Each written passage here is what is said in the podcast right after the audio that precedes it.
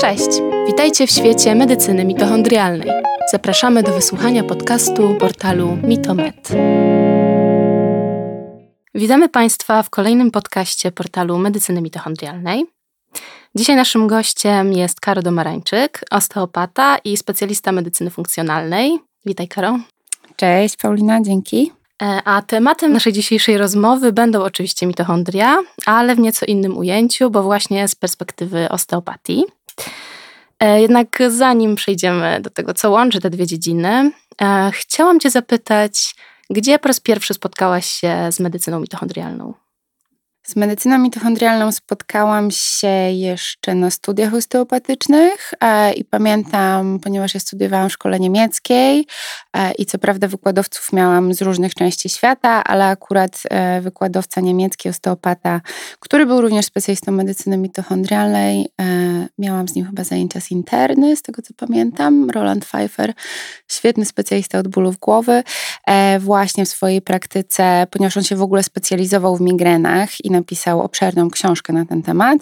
Mm, podzielił się, jak w praktyce używa faktycznie medycyny mitochondrialnej. Zresztą między innymi u, u Bodeł Kuklińskiego również się uczył. E, gdzieś wcześniej mi jeszcze się obiła ta medycyna mitochondrialna o uszy, ale rzeczywiście wtedy kupiłam pierwszą książkę. Hmm, świetnie, czyli już gdzieś na etapie studiów te dziedziny się łączyły, hmm. tak?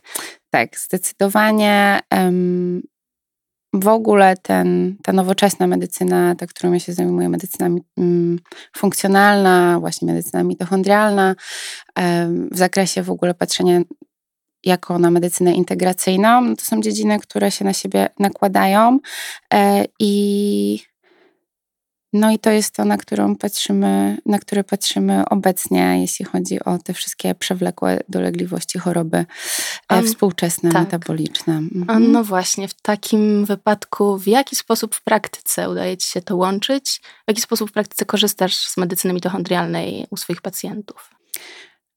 Przede wszystkim e, zależy to i znaczenie ma profil mojego pacjenta. Ja się specjalizuję w zaburzeniach metabolicznych, e, zaburzeniach e, również układu żołądkowo-jelitowego i też przez typ pacjenta, który do mnie przychodził przez lata, oczywiście ja poszłam w tym kierunku, no ale ze względu na te zaburzenia głównie metaboliczne, okazało się, że sama osteopatia, czyli to podejście e, biomechaniczne nie będzie wystarczające. Stąd poszłam właśnie w stronę medycyny funkcjonalnej i stąd medycyna mitochondrialna jako jej naturalna część, targetowanie w stronę przyczyny przede wszystkim, tak, w tym przypadku mitochondrialnej, e, okazało się być super pomocne, no bo żeby wyleczyć pacjenta w całości, żeby faktycznie podejść do niego integracyjnie, e, potrzebne jest nie tylko to wspomniane biomechaniczne podejście, ale też to biochemiczne i skupienie się, jeszcze raz powiem, na przyczynie, na czym medycyna mitochondrialna, tak samo jak osteopatia się skupiają. Zgadza się, dokładnie. Czy tutaj w zakresie biochemii a, możesz wskazać jakieś procesy, które powiedzmy są powiązane um, mitochondrialnie, osteopatycznie?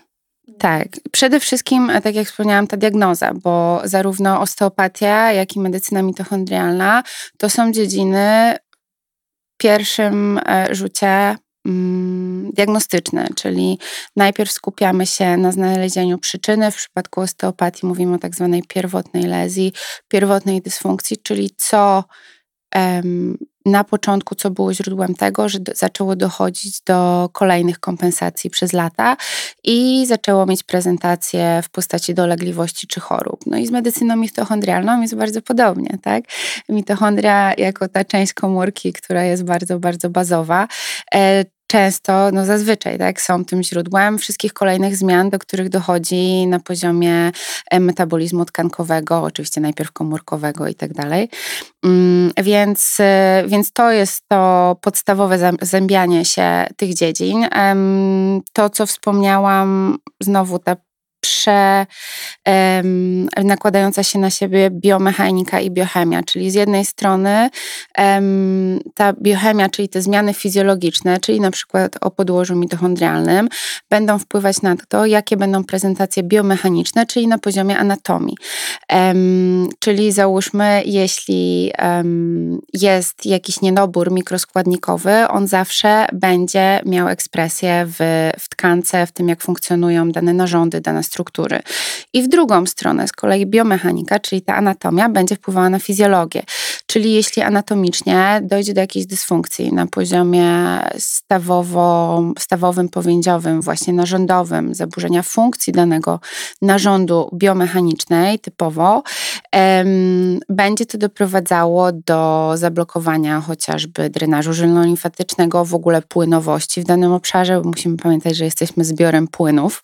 E, i o czym w osteopatii mówimy jako takiej podstawie, że, że przede wszystkim usprawniamy też dzięki temu, że pchamy ten organizm, jesteśmy w stanie popchnąć go w stronę balansu, to właśnie dzięki temu, że balansujemy różne płyny ciała, tak? czyli czy e, limfatyczny, czy krew, płyn mózgowo-rdzeniowy i tak dalej.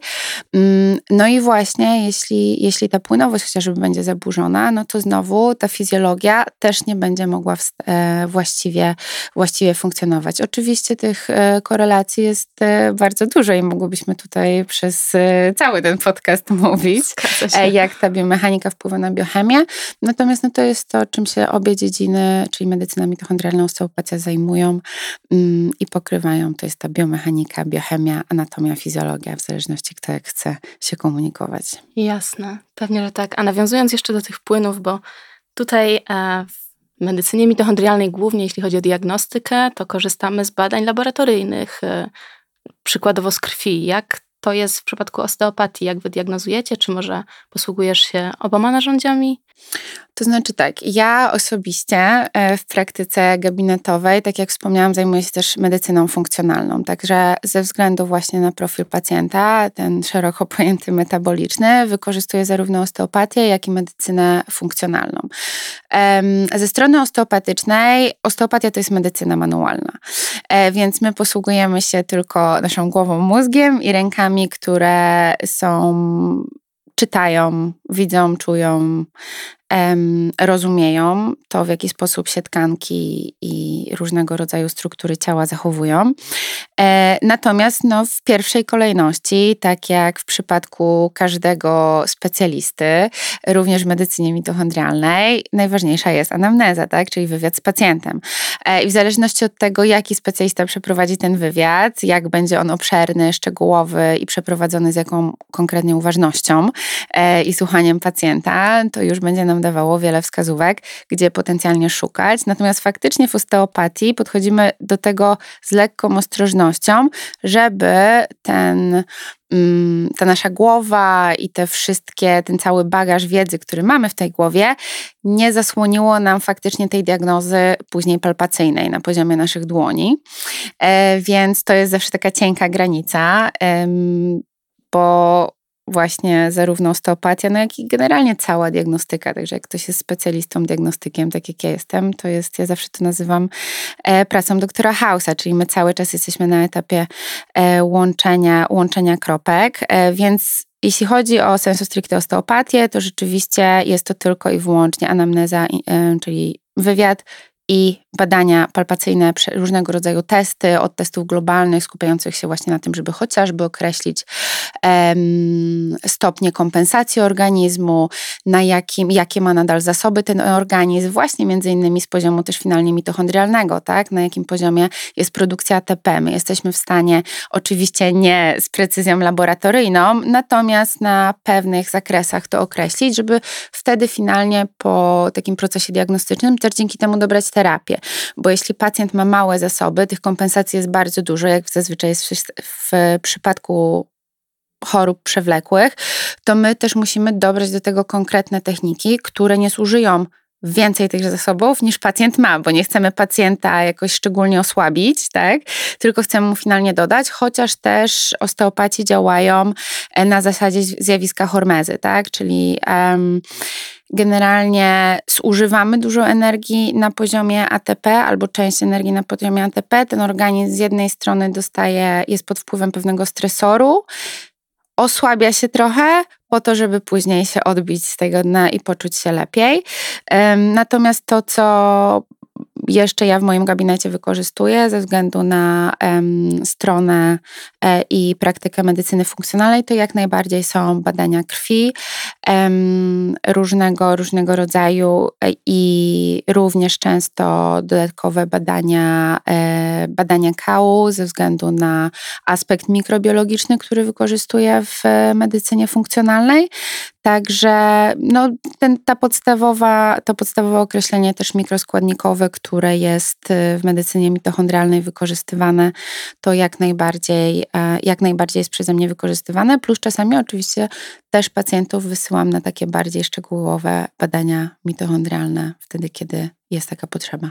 Mhm, rozumiem. No to brzmi bardzo obszernie cały ten temat, aż się zastanawiam nad tym w takim razie w leczeniu jakich chorób może nam pomóc osteopatia w połączeniu z medycyną mitochondrialną, bo wydaje się, że w bardzo wielu, w jakich ty najczęściej obszarach pomagasz, co uważasz za najbardziej skuteczne. To, co jest ważne, żebyśmy sobie zdali sprawę i wspomniały o tym w tym podcaście, z perspektywy też szerzenia wiedzy o takich dziedzinach medycyny, które nie są popularne, jest to, że osteopatia jako ta część medycyny e, powstała pod koniec XIX wieku w odpowiedzi na epidemię tamtego czasu. Więc to nie była dziedzina do zajmowania się, nie wiem, bólami pleców, układem stawowym, ale do tego, żeby radzić sobie z takimi epidemiami jak czerwonka, jak zapalenia opon mózgowo-rdzeniowych, jak żółta febra, e, gruźlica. Więc osteopaci byli lekarzami, którzy mieli sobie radzić z poważnymi, jakby z naszej perspektywy teraz, chorobami. Także obecnie tak jak w całej medycynie, no są różni specjaliści osteopatii, tak? Są specjaliści, którzy się zajmują ginekologią, są specjaliści osteopatii od pediatrii, e, od medycyny sportowej i tak dalej. Ja, tak jak już wspomniałam, zajmuję się pacjentami metabolicznymi. No i tutaj jakby jest to bardzo duży obszar, tak? Bo um, możemy pod to, um, pod, e, pod to włożyć wiele, wiele różnych chorób, natomiast zdecydowanie zajmuję się przypadkami przewlekłymi. E, jest to zarówno autoimmunologia, są to bóle głowy różnej etiologii, są to, tak jak wspomniałam, zaburzenia żołądkowo-jelitowe. No, gdzie tak naprawdę u pacjenta przewlekłego w XXI wieku to wszystko się na siebie nakłada. Niestety mamy te triady autoimmunologiczne, metaboliczne, e, zaburzenia, e, zaburzenia tarczycy, zaburzenia gospodarki glukozowo-insulinowej, które mają właśnie też różne prezentacje na co dzień, czy właściwie w zmęczeniu, e, deprywacji snu, e, zaburzeniach nastroju. Także pacjenci do mnie trafiają właśnie głównie z takimi dolegliwościami. Mhm, czyli jednak jedne z najczęstszych obecnie. Tak, jedne, jedne z najczęstszych. Um, niestety takie mamy czasy i niestety też, e, co było takim moim dosyć dużym odkryciem ze względu na, na to, w jaki ja sposób pracuję, bo pracuję w różnych częściach świata, masz ten, mam też projekt humanitarny, który prowadzę w takich e, miejscach z ograniczonym dostępem cywilizacji e, na Sri Lance i okazało się, że ludności, które zamieszkują dżunglę, które nie są odłączone od świata, mają dostęp do tej cywilizacji, czyli między innymi do przetworzonego jedzenia, dużej ilości cukru i tak dalej, mają bardzo podobne dolegliwości, czyli właśnie zaburzenia żołądkowo-jelitowe, bóle głowy, zaburzenia gospodarki glukozowo-insulinowej, właśnie te wszystkie prezentacje metaboliczne, które się pojawiają, narządowe chociażby, czy kardiowaskularne, e, więc, e, no więc ten, e, ja zawsze się śmieję z tego, że mamy w cudzysłowie mówimy o rozwoju cywilizacji, a patrząc z perspektywy zdrowotnej, niestety zupełnie nie w tą stronę prawda? poszliśmy. Styl życia, styl życia tak. jak wpływa. Kiedyś pandemia, tak? Na początku rozwoju osteopatii, jak wspominałaś, a obecnie niby styl życia, a jednak nam nie służy do końca. Oj, zdecydowanie nie. Dlatego ważne jest, że o tym mówimy teraz. Jak najbardziej. Dziękuję Ci bardzo za wprowadzenie do naszego cyklu podcastów i czekam z niecierpliwością na kolejną część. Bardzo Ci dziękuję za rozmowę. Cześć.